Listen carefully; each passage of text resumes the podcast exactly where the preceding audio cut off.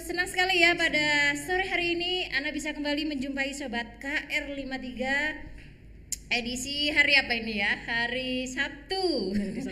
Hari Sabtu di tanggal 20 berapa yo? Lupa ya. 24 ya? Eh 25, ya?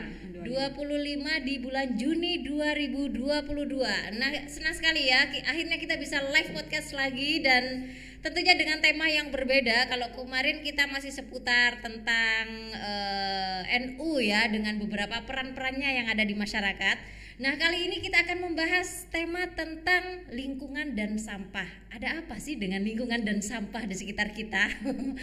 Apakah sudah semakin banyak sampah? Nah, kita akan eh, bincang-bincang pada sore hari ini bersama Mbak Septin ya. Iya. Septin Gerhaning Tias. Grahaning Tias. Bisa ya? Septin aja kali gitu. Mbak Panjang. Septin. Septin aja. Iya Mbak Septin ini dari Sanggar Hijau Indonesia. Iya, benar. pakai raya ya. Nggak usah. Eh, Kalau pakai raya nanti jadi lagu. Berdiri semua nanti ya. Iya Mbak Septin gimana kabarnya sore hari ini? Alhamdulillah baik, masih sehat.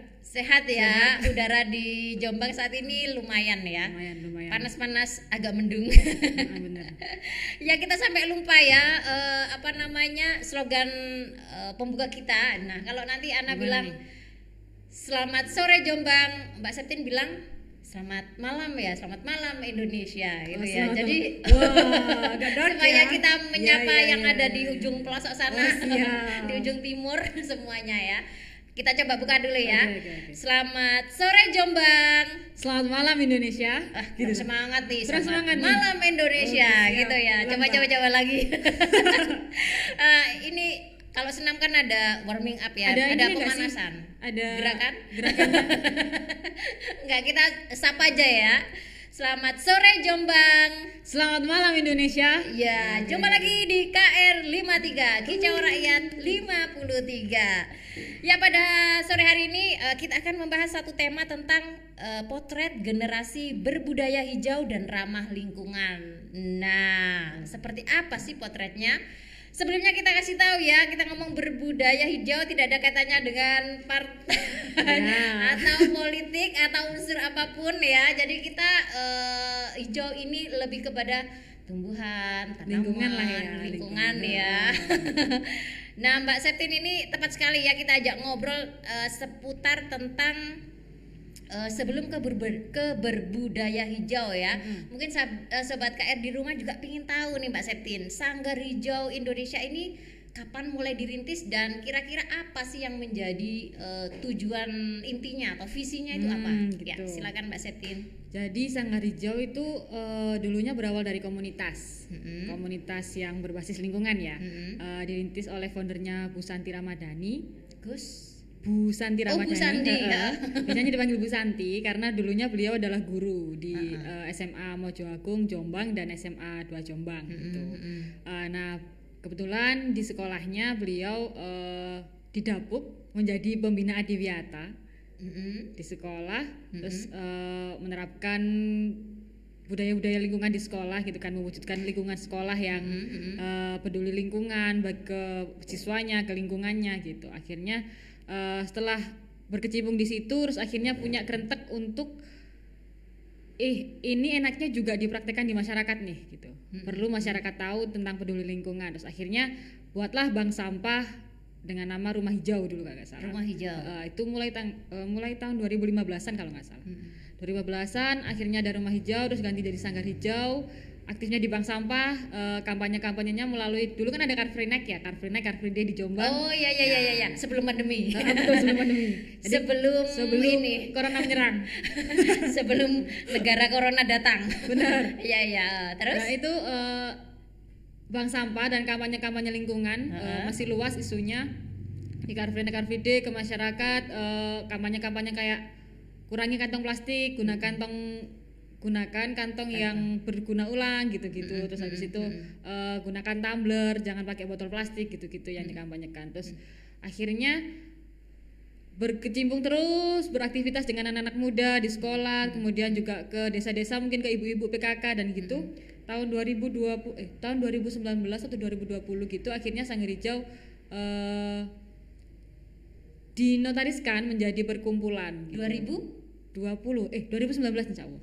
ya. Mm, mm, mm. menjadi perkumpulan. Jadi sekarang jadi perkumpulan Sanggar Hijau Indonesia gitu. Tetap tetap pada isu lingkungannya. Isu yang menjadi poin utamanya itu tadi ya untuk apa namanya Hmm, kita bergerak di basis sebenarnya di basis masyarakat. Di Eh. mana mengajak masyarakat untuk eh, mewujudkan nih eh, peduli lingkungan di masyarakat gimana sih gitu. Uh, untuk awal-awal bagaimana sih respon dari masyarakat Jombang sendiri ya yang memang uh, asal muasalnya Sanggar Hijau berada. Bagaimana respon dari masyarakat sendiri? Kalau masyarakatnya sendiri kan eh, ini ya, karena kami dulunya bas, eh, base campnya di rumahnya Bu Santi di daerah Kaliwungu, jadi mungkin wilayah desa atau wilayah masyarakat yang pertama kali ring satu kami adalah wilayah Kaliwungu di situ kan. Bu Santi yang mengajak teman-teman apa warga-warga di Kaliwungu untuk eh, memilah sampah, harus setor ke bank sampah, habis itu buat ekobrik, buat biopori, nah di Kaliwungu. Responnya sih senang masyarakat itu, maksudnya eh, mungkin kita tahu ya, tapi kan masyarakat nggak tahu nih gimana sih idealnya untuk pengelolaan sampah. Nah, kami yang eh, berusaha memberikan informasi tentang itu. Dan ya alhamdulillah sekarang di Kaliwungu lingkungannya sudah sedikit demi sedikit eh, mengelola sampah dari rumah. Misalnya di RT berapa berapa RT sudah melakukan pengelolaan sampah or- organik seperti membuat kompos atau membuat ekoenzim gitu, membuat ekobrik gitu. Setidaknya kita membantu mengurangi eh, tumpukan atau timbulan sampah yang akan dikirim ke TPA. Hmm, itu ya yang yang yang awal-awalnya ya. Awal-awal. Berarti 2019 sudah berapa ini? Sekitar eh, Dua, tiga tahunan lah. tiga tahunan ya. Nah, kalau kita lihat ini ya, eh, data dari KLHK ya, Kementerian Lingkungan Hmm. Hidup sendiri ini kan timbulan sampah secara rasional ini sudah ada 175 ribu ton per hari ya atau setara 64 juta ton per tahun. Nah, jika eh, menggunakan asumsi sampah yang dihasilkan setiap orang per hari ini bisa sampai 0,7 kilogram Mm-mm. gitu ya. Nah, kalau eh, teman-teman dari Sanggar Hijau sendiri melihat seperti apa ini kok, kok eh, ada fenomena seperti ini ya? Atau ada fakta seperti ini sampah di Indonesia banyak sekali. Agak miris sebenarnya ya. Karena eh, nggak bisa dipungkiri bahwa setiap makhluk hidup itu pasti menghasilkan sampah gitu. Siapa yang nggak menghasilkan sampah? Wong kita beli pindang aja ada kreseknya gitu kan Ya, ya, ya, ya. kita makan aja kalau bersisa nggak mungkin kadang-kadang kangkung ya dipotong ujungnya berarti kan menghasilkan sampah yang tidak digunakan gitu. Kalau tadi eh, datanya dari Indonesia ya nasional ya, KLHK nasional. kalau nggak salah nih dari data Jombang sendiri sekitar 550 ton sampah yang eh, yang dihasilkan di Jombang gitu. Mm-mm. Perharinya 550 ton. Aku bayanginnya aja nggak bisa loh. 550 ton iya, ya. iya. terus eh, nah yang masuk ke TPA ternyata cuma 110 tonan. Eh, berarti eh, lah 440 nya ke mana? Iya. gitu kan ya. Mungkin ada yang dibuang dialirkan ke sungai gitu kan ya. Ada yang di mana gitu kan nggak tahu nih ya. Cuma 110 yang mampu diangkut ke TPA yaitu wilayah perkotaan gitu. eh, ya ya juga sih kan eh, kayak pedalaman misal eh yang lebih pinggiran kan tidak terangkut gitu sampahnya. kenapa bisa gitu ya? Karena setiap orang tadi menghasilkan sampah gitu.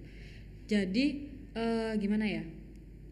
Kita tidak bisa memungkiri tapi bagaimana caranya kita setidaknya membantu mengurangi atau bijaksana dalam eh, tidak terlalu banyak menghasilkan sampah. Misalnya kita bisa menguranginya lewat hal-hal sederhana. Ke pasar bawa kantong sendiri nggak usah minta kresek. Kalau misalnya penjualnya bilang ini peningsit ya ditolak dengan halus. Nggak apa-apa bu. Ini kita berusaha untuk mengurangi plastik gitu kan. Nah, biasanya penjual gitu.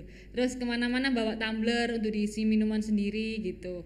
Atau kalau misalnya ke, ke, ke restoran atau minuman-minuman gitu biasanya kan kasih sedotan. Bilang aja kayak nggak usah sedotan wes mas gitu aja langsung minum gitu. Hal kecil seperti itu mungkin bisa mengurangi timbulan-timbulan sampah yang kita timbulkan gitu karena kalau mengandalkan sistem pengelolaan di TPA mm, mm, saya masih belum yakin gitu. Karena kan yang misalnya nih di pendidikan atau di informasi-informasi yang kita dapatkan teknologi sudah canggih. Memang teknologi sudah canggih. Masalahnya adalah apakah TPA kita sudah seperti itu? Gitu kan? Kan itu mahal tuh. Nah saya nggak yakin nih eh, TPA kita sudah mampu mempraktekkan kayak misalnya alat-alat yang canggih dan mahal itu gitu. Jadi ya kita mulai dari diri sendiri dulu untuk mengurangi sampah gitu. Ya, kalau di masyarakat sendiri ya eh, nggak usah jauh-jauh lah tetangga kita. Kadang kan untuk mengurangi penggunaan sampah plastik itu kan hal yang sangat susah. Mm-mm. karena budaya plastik itu sudah sangat apa ya melekat. Jadi mau pakai apa pun mereka merasa lebih lebih praktis, Praktis memang, lebih aman. bener. coba kalau kita misalnya beli minyak eh, masa suruh pakai kain kan gak mungkin. Pasti pakai plastik Betul. kan. Log- logikanya gitu. Logikanya mungkin gitu, orang-orang.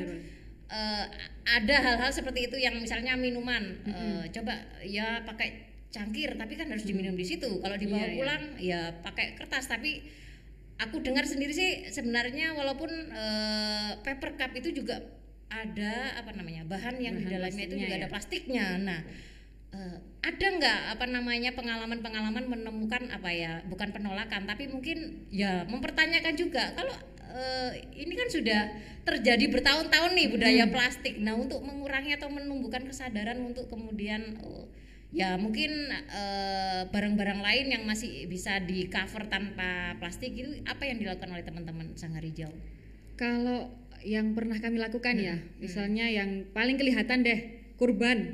Hmm. Kan daging nih, kalau Iya. dibungkus kertas ini nyunyut gitu kan ya. Heeh. Istilahnya sudah gak bisa gitu kalau dibungkus kertas. Akhirnya kita mm, eh, mengkampanyekan untuk ganti kreseknya pakai besek misalnya gitu atau pakai daun pisang atau daun jati gitu. Hal lebih mahal itu. dong. Iya, pasti itu Menurut panitianya. Iya, tapi kan eh, dampak lingkungannya setidaknya bisa ditekan gitu kan. Iya, enggak maksudnya kan eh, ada apa ya? Faktanya itu ada mengeluarkan Faktanya. biaya lebih la- biaya yang lebih. Nah, itu apa yang yang yang akan dijelaskan teman-teman kepada eh, masyarakat yang mau pertanyakan hal itu? Ini ya sebenarnya mau kita rubah mindset ini kan, maksudnya Hmm. memang eh, agak ribet sebenarnya. Untuk peduli lingkungan itu stigmanya agak ribet. Misalnya nih, saya biasanya misalnya beli apa pakai langsung mas langsung plastik aja gitu. Heeh. Saya harus bawa botol, harus bawa Iya, iya. eh, tong-tong kantong-kantong yang ribet lah gitu ya. Tapi eh, coba eh, sudut pandangnya kita rubah menjadi ya gak apa-apa ini amalku kok untuk eh, setidaknya aku tidak menyampah ke lingkungan gitu. Soalnya kan dampaknya panjang gitu. Dan mungkin kita bisa cari eh, yang sekiranya nyaman bagi kita. Ka- kami juga nggak bisa memaksa kalau misalnya eh kan lo buang sampah apa pakai botol plastik wis gak peduli lingkungan nggak bisa gitu gitu. nggak bisa ditatar semuanya sama gitu. Semua orang punya kenyamanannya sendiri kan. Dan mereka punya kemampuannya sendiri-sendiri gitu. Nah, Jadi maksudku untuk mengubah mainstream itu kan bukan sesuatu yang mudah atau semudah kita membalikan tangan. Hampir sama kayak kita mengubah mindset atau mainstream dari apa ya? Dari yang tidak adil gender tidak setara kemudian menjadi setara. Kayaknya hampir sama ya untuk mengubah mindset, itu. Nah, menurutku sih salah satu yang harus dilakukan kan harusnya ada analisa. Misalnya ketika perilaku itu terus-menerus dilakukan akan ada dampak. Nah, Mm-mm. dampak entah itu secara kesehatan, secara Hmm, lingkungan, secara sosial, secara ekonomi, ada nggak eh, kajian atau analisa-analisa yang dilakukan oleh teman-teman Sanggar Hijau sehingga setelah menunjukkan ini loh hasil survei kita sehingga kalau perilaku itu tetap dilakukan mindset itu tidak dirubah ini loh akibatnya ada nggak kayak gitu kalau sendiri kalau nih. ke tingkat survei dan penelitian ya. Ah, ah, ah. Belum sih kalau sampai situ. Cuma kami eh, mungkin kemarin-kemarin penelitiannya lebih ke pelayanan sampah di Jombang gitu, yang menekankan bahwa eh, pengelolaan sampah di Jombang ini ya belum maksimal, belum optimal. Kayak misalnya kalau kami mendorong pemilahan sampah di rumah, toh nyatanya di pengangkutan di TPS masih dicampur hal-hal seperti itu yang kami temukan oh lebihnya. masih dicampur ya Iya kan kalau misalnya kita buang nih, misalnya kita milah di rumah, Hmm. plastik sendiri, organik sendiri Mm, gitu. mm. Tapi ketika diangkut ke TPS kan dicampur. oh iya iya iya Masih di bok kuning itu kan Masian. nah Jadi kan kayak berarti perlu di ini kan dulu disadarkan dulu ya. Selain itu juga sebenarnya perlu eh, atau tempatnya memang tidak tersedia di TPS tidak tersedia. nah berarti ya itu sudah sistem ya artinya Sistem. Masalah kita tuh kompleks banget gitu loh. Dari rakyatnya yang mulai eh, harus perlu diberikan informasi lebih, pemerintahnya sendiri belum memberikan fasilitas yang mendukung hal-hal seperti itu sih. Kayaknya perjalanan kita menuju yang ideal itu masih panjang, tapi harus diusahakan gitu. Kalau nggak mulai dari kita mau kapan besok lagi gitu kan tetap sama gitu masalahnya. Eh, kalau komunikasi dengan pihak pemerintah ada nggak yang sudah dilakukan oleh teman-teman Mhm. Mm. Akhir-akhir ini beberapa sekitar satu tahun dua tahunan ini kami kan eh, ada project dengan ada program dengan USAID Madani gitu. Mm-mm. Eh, nah itu itu yang didorong adalah pemerintahan kolaboratif yang melibatkan eh, unsur masyarakat, kemudian sektor Pemerintah. bisnis dan pemerintah, di mana tiga pilar ini tiga, eh, tiga pilar pembangunan gitu kan, untuk mewujudkan pembangunan yang berkelanjutan. Nah, kami juga mendorong selain kami di basis eh, terus berusaha mengedukasi dan memberikan informasi kepada masyarakat, kami juga berusaha untuk menjalin komunikasi ke pemerintah untuk tetap mendorong peningkatan eh, fasilitas dan pelayanan pengelolaan sampah yang dilakukan pemerintah gitu. Nah, yang kemarin kayaknya sudah keluar SE Bupat surat keterangan atau surat edaran gitu tentang pengura- pengurangan penggunaan plastik di OPD OPD di Jombang. Jadi eh, kayak kewajiban bawa tumbler sendiri. Jadi mereka tidak menyediakan kemasan di kantor OPD gitu. Jadi mereka sekarang sudah menyediakan isi ulang galon di OPD, di OPD itu eh, salah satu capaian yang kita patut bangga sih sebenarnya. Maksudnya sudah sampai tahap itu berarti ada keserius- keseriusan dari pemerintah Jombang. Terus kemarin juga ada surat edaran tentang eh, penggunaan plastik untuk kurban yang bisa untuk dikurangi di masyarakat gitu. Cuma tadi ya, tadi konsekuensinya adalah ada penambahan budget. gitu. kecuali sebenarnya lebih kalau mau murah kan ada daun pisang Iya, gitu ada daun kan, pisang. kalau kalau mau tapi mungkin panitianya ribet nanti Ya, memang agak effort dan agak ribet, tapi gak apa-apa lah. Soalnya nanganin sampah lebih ribet. Iya. nah itu mungkin yang yang apa yang eh, aku sendiri nggak terjun langsung ya dengan teman-teman. Tapi aku bayangkan sendiri itu akan susah ya bagaimana eh, mengubah mindset masyarakat dari yang eh, misalnya semuanya se- serba praktis semuanya serba mudah. Resek aman masukkan kulkas apa bawa pulang kemudian mengubah harus ribet bawa tumbler. Oh, belum lagi nanti kalau kelupaan lah tumblernya hilang bisa beli lagi. Itu kan. Bawa kain eh ternyata kainnya dipinjam teman habis itu wah, harus beli lagi. Kayak kayak gitu kan eh, memang ada persoalan. Tapi yang eh, menurutku paling urgent adalah eh, sejauh mana kesadaran dari masyarakat ini eh, menerima atau tahu konsekuensi dari perilakunya eh, ketika dia mau aware memilah atau tidak memilah. Nah ternyata kan ada persoalan juga. Kalau sudah dipilah ternyata di Di petugasnya dicampur, digabung juga. Itu kan kalau mereka nggak tahu mungkin lebih aman. Maksudnya ma- mereka masih effortnya itu masih oh ya aku memilah. Tapi kalau udah tahu oh ternyata di sana di, dicampur juga nanti kan ya percuma kalau gitu dilakukan kan? Itu kalau kalau mereka tahu. Ada nggak hal yang yang upaya yang dilakukan untuk eh, mengatasi ini loh? Ini loh masih ada persoalan ini. Ada nggak dibicarakan dengan pemerintah dan eh, tadi yang mbak mbak bilang mbak Setin bilang eh, ada kolaborasi? Ada nggak persoalan-persoalan yang dibicarakan kemudian dicarikan solusi bersama. Ya, nah karena kami eh, yang tadi keberlanjutan dari eh, pemerintahan berkelanjutan tadi eh, berusaha mendorong kerjasama antara masyarakat dan pemerintah, eh, kami juga mendorong sekarang kan ada nih TPS 3R misalnya, Eh, TPS 3R itu yang di mana di TPS-nya itu sudah ada pengelolaan eh, 3R-nya reduce, reuse, recycle. Jadi TPS yang mengolah sampahnya. Jadi yang dibuang ke TPA hanya sampah-sampah residu, tapi untuk kompo, untuk organik dan anorganiknya sudah bisa diolah di situ. Jadi mengurangi sampah residu. Nah, kami juga melakukan pendampingan ke TPS TPS 3R itu. Nah, kami juga bekerja kalau begitu kami juga bekerja sama dengan DLH sebagai penanggung jawab OPD-nya gitu. Nah, penyuluhan-penyuluhan di masyarakat juga dilakukan terus gitu loh. Jadi sejalan gitu. Kami juga berkomunikasi dengan DLH, kami juga berusaha berkomunikasi dengan masyarakat sambil mengedukasi eh, tentang bahaya-bahaya plastik. Kemudian kenapa nggak boleh dibuang di sungai? Ya kami menunjukkan realita realita realita yang ada. Kalau misalnya membuang sampah ke plastik ya bisa mengganggu ekosistem sungai. Sungai sendiri kotor, apalagi kalau sampai di laut menumpuk. eh, dampaknya panjang gitu. Cuma kadang-kadang kami juga kebingungan. Saya sendiri kebingungan kalau menyampaikan karena kadang dampak sampah itu nggak bisa dilihat langsung. Misalnya nih ya, eh, untuk mengubah perilaku membuang sampah di sungai, itu nggak bisa dilihat langsung oleh orang yang membuang sampah di sungai gitu kan. Kalau dia buang sampah di sungai, kalau pas deras aru- arusnya kan dia Langsung hilang, anyut aja kan tampak oleh yang membuang sampah rumahku bersih sampahku bersih kaliku juga bersih. Karena sampahnya numpuk di sana begitu. Nah itu yang kadang-kadang eh, tantangan untuk kami karena kan dampaknya jauh gitu. Kalau misalnya juga akhirnya di- ditunjukin di laut nah kan jauh dari orang-orang yang membuang. Nah hal-hal seperti itu yang kadang-kadang kami sulit mencari hubung, apa memberikan dampak yang eh ini loh merusak gitu. Tapi kan nggak bisa dilihat langsung. Nah hal-hal seperti itu yang kami susah.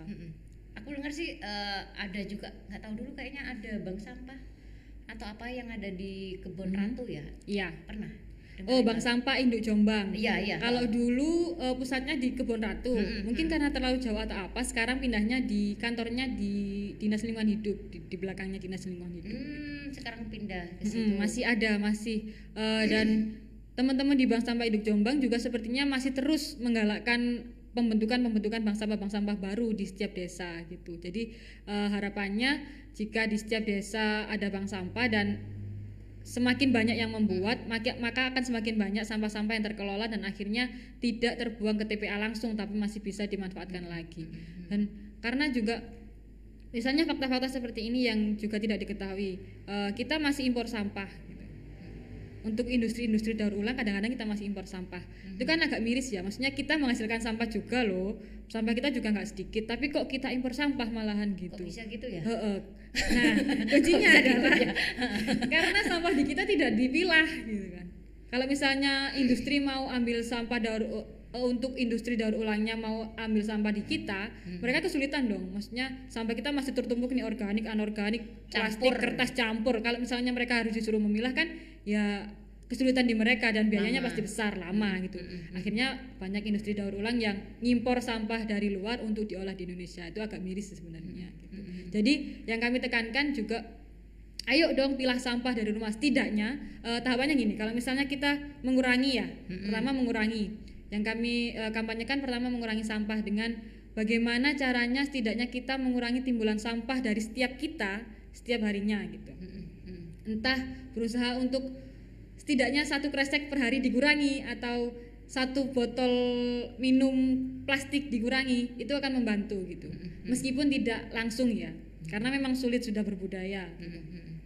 kalau misalnya toh kita tidak bisa mengurangi ya langkah selanjutnya setidaknya kita mengolah sampahnya memilah Memilah ya. Mm-mm, memilah. Setidaknya kalau bukan kita yang mengolah nantinya itu bisa dimanfaatkan oleh orang lain gitu. Misalnya kita pilah menjadi sampah anorganiknya sendiri plastik botol disendirikan plastik kertas disendirikan gitu. Untuk sampah eh, sampah organiknya atau bekas-bekas makanan dan sampah-sampah dapur bisa diolah sendiri di rumah. Pakai komposter atau kalau yang punya lahan eh, di rumah bisa dulu kayak juglangan gitu kan ya Mm-mm, juglan terus akhirnya ditimbun gitu kan bisa seperti itu jadi tapi kalau akhirnya plastik nggak bisa hancur Iya, nggak bisa hancur. sampai bertahun-tahun nggak bisa hancur. Itu masalahnya. Makanya tadi kalau misalnya sudah dipilah, setidaknya akan ada alur yang bisa dilalui sampah ini. Hmm. Kalau misalnya kita nggak pilah kan gini, rumah dari rumah nih, Mm-mm. kita nyampah, ngumpul, angkut, buang, gitu kan. Terus akhirnya alurnya kalau misalnya mereka nggak terpilah ke mana? Ya udah langsung ke TPS, TPA. Mm-mm. Di sana apakah diolah? Tidak, ditimbun. Realitanya di TPS Jombang eh, sampah masih ditimbun, datang lagi besok harinya ditimbun, di atasnya, di atasnya lagi, atasnya lagi, atas lagi. Berlapis-lapis gitu ya? Berlapis-lapis kalau misalnya udah ketinggian tertentu dia nggak bisa, pindah lagi lahan. Tambah tambah tambah kalau nggak bisa lagi, tambah lagi lahan. Kalau misalnya ini udah penuh, ya buka lahan lagi. Akhirnya kan ada juga lahan yang terserap untuk TPA Jombang misalnya, untuk TPA TPA men- menimbun sampah kita gitu kan. Itu kan juga eh, kalau misalnya gitu terus akhirnya lahan kita habis untuk sampah dong gitu. Kalau terus akhirnya tapi kalau misalnya kita memilah nih, setidaknya ada alur eh, hidup sampah ini yang bisa terus diikuti gitu. Misalnya plastik dan kertas kita berikan ke bank sampah atau ke tukang rosok, dia akan ke pengepul. Pengepul akhirnya masuk ke industri dan akhirnya bisa didaur ulang, digunakan kembali dan eh, masa masa sampah ini bermanfaat itu masih ada gitu loh. Masa-masa benda-benda ini tidak langsung menjadi sampah tapi masih bisa dimanfaatkan kembali gitu. Gitu sih. Jadi Tapi- kuncinya adalah memilah dan mengurangi. Menurut begitu menurut kamu. Ya aku sendiri eh, entah mulai kapan ya belanja itu aku pakai bawa apa sih tas-tas yang apa sih itu tas kayaknya itu Tas juga gitu hasil recycle mungkin Oh, ya iya. tas-tas yang dibuat dari bahan apa sih itu Yang kayak kain semacam plastik bukan bukan. Kayak kain-kain yang eh kayak plastik-plastik yang sudah disusun jadi tas gitu kan ada kan?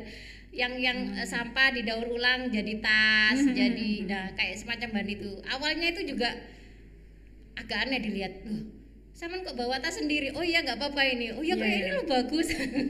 Tapi dari beberapa yang yang eh, aku lihat, walaupun udah melihat gitu ya, aku coba bawa gitu. Tapi yang lain kok tidak tertarik untuk mengikuti, kecuali penjualnya yang yang ini, yang yang maksudnya ap- appreciate. Mungkin juga dia senang ya. kan eh, Plastiknya berkurang Nah, biaya Ya. untuk plastiknya berkurang. Kayak mbak ini loh nyata, jadi aku mesti bawa bawa itu bawa tas sendiri. Mm, Nah, eh, itu mungkin yang eh, forum yang juga mungkin bisa dimasuki teman-teman adalah misalnya forum-forum PKK itu kan tempat ibu-ibu yang lebih banyak ya berkelut Iya, iya, dengan iya. sampah dengan banyak eh, apa namanya kebutuhan rumah yang itu mengelola sampah untuk bisa dipilah kayaknya kalau bapak-bapaknya agak susah ya nggak tahu sih kalau ada ya tapi faktanya memang eh, kalau untuk memilah ya sudah beberapa eh, ibu-ibu sih yang yang jalan ya memilah itu Eh, dari dari ibu RT misalnya sebenarnya sudah ada penyuluhan tapi memang faktanya ya tidak bisa semuanya tetap yang mau Memang ya mau yang agak enggak sulit, ya enggak. Heeh. Karena tadi mungkin eh, apalagi tentang pengelolaan sampah ya, udah dari namanya aja sampah gitu loh. Hmm. Mungkin akan ada banyak yang males untuk berurusan dengan sampah gitu. Padahal kalau misalnya eh, ditangani dengan benar, mungkin juga tidak seburuk itu. Kita bisa juga kalau misalnya ibu mau ke bank sampah atau mengumpulkan sampah-sampah kertas bekas berkat kan lumayan nih dikumpulkan tiap hari ada orang berkatan ada orang tasyakuran dikumpulin gitu kan Eh, mungkin setiap satu minggu sekali bisa distorkan ke bank sampah kalau misalnya nggak ada bank sampah di rumahnya ya bisa di biasanya kan ada nih apa tukang lawak keliling. Ya, kan lumayan nih ya. kalau misalnya dapat sepuluh sepuluh ribu bisa buat buat beli berambang bawa kan kan bisa menambah nilai ekonomi di keluarga. Gitu. ini dia tetap harus kreatif ya ibu rumah tangga. Ibu harus kreatif mantap. Bapak jangan lupa membantu. Kayaknya ada apa itu Mas Pri yang yang eh, pasukan Jogo Kali atau apa sih itu Mas Pri oh ya santri juga kali. Santri ya? Mm. Eh, itu kan juga eh, digalakkan untuk mengurangi hal itu kan ya? Ya. sampah-sampah. Keren sih ada nggak juga kerja kali. sama dengan teman-teman itu Santri. beberapa kali sih eh, kami berkolaborasi kegiatan gitu. Kalau misalnya santri juga kali mungkin ada kegiatan event kampanye di masyarakat kami juga ikut ber- eh, berkolaborasi di sana mungkin tentang edukasinya gitu. Atau kami juga eh, ikut dalam ini pernah dengar nggak? Biotilik. Nggak, Apa sih biotilik itu kayak kita observasi di sungai Heeh. melihat dari biota-biota yang ada di situ, Hmm. terus melihat kualitas sungainya. Nah, kita juga membantu di situ. Sungai ini masih baik nggak sih? Sungai ini keadaan airnya sudah buruk atau bagaimana gitu. Biasanya kita juga bekerja sama dengan santri Joko Kali gitu. efektif nggak sampai sekarang Santri Joko Kali masih keren. keren ya Eh, sungai di depan Pertanyaannya berapa lama dia Joko kali dan eh, seberapa sering dia Joko dan seberapa sering orang yang membuang sampah di sungai? faktanya, Faktanya. faktanya setelah sekian lama kali itu di Jogo ya. Dan eh, dengan keseriusan teman-teman santri Joko Kali masih ada saja orang-orang yang membuang sampah ke sungai atau nggak di pinggiran sungai gitu. Pas nggak lagi di Joko berarti. Ya, kalau nggak pas Padahal itu ada undang-undang ya. Ada, Karena kan ada tulisan di sungai sana itu barang siapa yang membuang. buang sampah akan didenda sebesar berapa juta gitu kan ya. Tapi ya nggak takut ya mbak. Ya Allah. Iya. Karena memang mungkin eh, dari penindakan sanksinya tuh juga belum jelas gitu. Benar benar benar. Terus siapa yang ngawasi kalau dia lagi buang Eh. sampah kan gitu. San- santri Jogo Kali kan fokus pada satu kali eh bukan bukan satu kali ya. Maksudnya eh, ada daerah tertentu yang menjadi pusat dari pengawasannya gitu kan ya. Dan itu cukup efektif karena eh, akhirnya kali Gude dan daerah daerah Tembelang ke sana itu kan sekarang sudah lebih bersih gitu. Meskipun ada saja orang yang masih buang sampah di situ gitu. Tapi gimana dong Indonesia ini kan negara yang sangat kaya. Alamnya gitu loh. Ka- sungainya juga banyak kan? Sulit banget ngawasinya itu. Iya, eh, kalau kita ngomong tadi potret generasi ya, kalau eh, Mbak Septin ya, Mbak Septin bener ya, bener bener salah ini. Nah, kalau Mbak Septin sendiri melihat eh, bagaimana sih perilaku para remaja, anak muda yang ada, atau sejauh-jauh lah yang di Jombang untuk awarenessnya terhadap sampah dan lingkungan seperti apa Mbak Septin melihatnya? kalau saya melihat positifnya aja nih dari sudut pandang positif eh, sekarang sudah mulai banyak kok anak muda yang aware terhadap lingkungan gitu. Banyak teman-temanku yang udah mulai bawa tumbler atau menolak untuk menggunakan sampah plastik. Juga kadang-kadang kalau ke eh, ke minimarket eh, menolak untuk menggunakan kresek gitu Eh, mulai ada peningkatan kesadaran itu meskipun belum masif. Nah itu yang mungkin bisa Kalau kita perilaku bersama. yang masih ini Yang eh, masih apa? tidak aware. Seberapa banyak antara yang aware dan tidak aware ya banyak yang tidak aware. Faktanya harus diakui ya. Ya. adakah edukasi yang dilakukan teman-teman Sanggar Hijau eh, misalnya terhadap eh, kelompok milenial? Misalnya melalui sekolahan Hmm. mungkin melalui eh, pondok pesantren karena di Jombang ini kan kota santri ya. Hmm, kota santri. Banyak banyak santrinya. Ya. beriman bersih indah dan nyaman. Katanya begitu nah apakah Amin. ada terobosan yang dilakukan untuk mengedukasi generasi penerus? Minimal kalau yang tua-tua susah nih diedukasi atau disadarkan. Nah minimal kan yang muda ini yang lebih apa ya lebih masuk kalau iya. eh, kita ajak Edukasi ya. edukasi gimana ada nggak terobosan itu Kalau eh, dulu karena Bu Santi awalnya di sekolah di Wiata, jadi itu juga jalan bagi kami untuk masuk ke sekolah-sekolah mengedukasi teman-teman yang masih di sekolah gitu. Dan itu eh, menurutku efektif sih karena kan sekolah ini pasti dilalui oleh anak-anak gitu loh. Hmm. Jadi kalau misalnya ngedukasi ke orang yang sudah lulus nih kan susah nih kita mau masuk ke forum mana. Tapi kalau sekolahan kan ada wajib belajar. Jadi kemungkinan semua sekolah akan bisa memberikan edukasi tentang lingkungan kalau misalnya kita bisa masuk ke situ. Nah, kalau sekarang akhir-akhir ini eh, untuk edukasi ke teman-teman mungkin masih ke street campaigns gitu ya. Kalau misalnya kita ada event eh, seperti pelatihan membuat eco brick, terus habis itu pelatihan membuat kompos, seperti seperti itu yang bisa kita lakukan untuk anak-anak muda gitu. Atau juga eh, ketika membuat kadang-kadang tidak secara langsung kita mengkampanyekan itu. Misalnya kalau kita eh, berkolaborasi kegiatan dengan PKK atau dengan pemerintah eh, biasanya kita mengajukan kayak semacam syarat gitu loh. Eh, kalau berkegiatan nggak usah pakai ini ya yang menghasilkan plastik ya gimana caranya Hmm. entah entah itu minumannya yang diminum di situ atau nggak usah air kemasan misalnya atau misalnya jajanan yang disediakan atau siapkan plastik gitu. eh, kayak Eh, zaman dulu itu kan ya di depan rumah itu kan ada eh, apa kendi gitu ya Iya, iya. jadi mereka kan enggak enggak perlu pakai gelas langsung gede gelak gelak. itu sih mungkin. nah kalau misalnya ya di di eh, aku melihat misalnya di Surabaya sendiri naik apa itu naik apa itu mas yang Oh, naik kayu. Eh, itu kan mereka Pakai store store botol botol botol plastik mereka baru bisa justru tidak dengan uang Mm-mm. Nah, kalau di Jombang memungkinkan nggak hal itu dilakukan? Atau misalnya gini, eh, SPP-nya kalau sama plastik akan dikurangi, maksudnya bayarnya di- dikonversi gitu. ya? Eh, eh, dikonversi. Kami juga ini sih sebenarnya ada project untuk itu eh, punya punya bayangan tentang memasukkan unsur-unsur lingkungan di sekolahan gitu kan. Salah satunya tadi eh, menggunakan sampah untuk bayar SPP gitu. Hmm, Tapi ini masih wacana sih sebenarnya mau di Itu kan akan ada apa ya namanya eh, nilai positif dan keuntungan sendiri bagi orang yang melakukan. Artinya eh, kesadarannya tidak hanya dipaksa tapi dia kan eh, apa ya? ya Merasakan untung, eh, manfaatnya eh, gitu kan. dampaknya kan terasa langsung dan meringankan juga buat orang Meringankan, tuanya iya. secara ekonomi ya kalau mereka harus bayar dan dengan ini kan sampah sangat mudah kayaknya kita cari daripada kita cari uang lebih mudah cari sampah kan itu pingin diwujudkan di TK gitu di TK Kaliwungu eh TK apa ya namanya ya pokoknya daerah Kaliwungu itu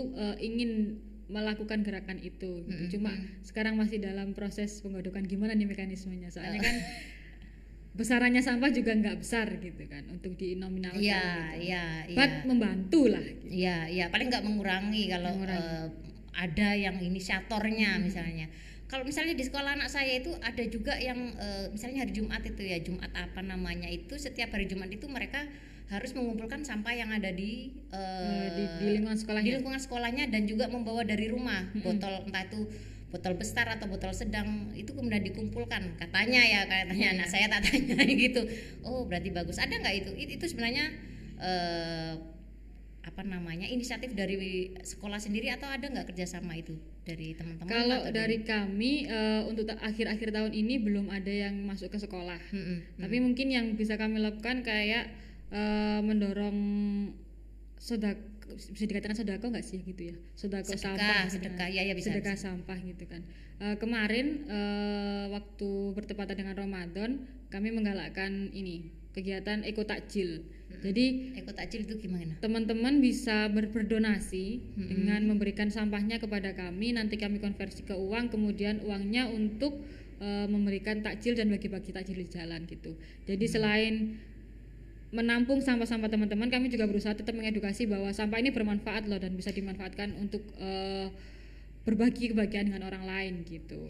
Kalau eh, dan juga gini, karena mungkin sekarang sudah semakin berkembang ya komunitas-komunitas yang berusaha menanamkan kepedulian terhadap sampah gitu. Nah itu juga membantu kami untuk terus berjejaring, terus akhirnya meluaskan sayap untuk menjangkau orang-orang yang mungkin jauh dari kami gitu. Dan itu sangat membantu sih gitu. Kalau kalau misal pun bukan kami yang melakukan, ada orang-orang lain sana yang sudah concern ke situ. Kayak misalnya di Al Al Hikam Pondok di Jombang yang di, dipawangi oleh Bu Ika.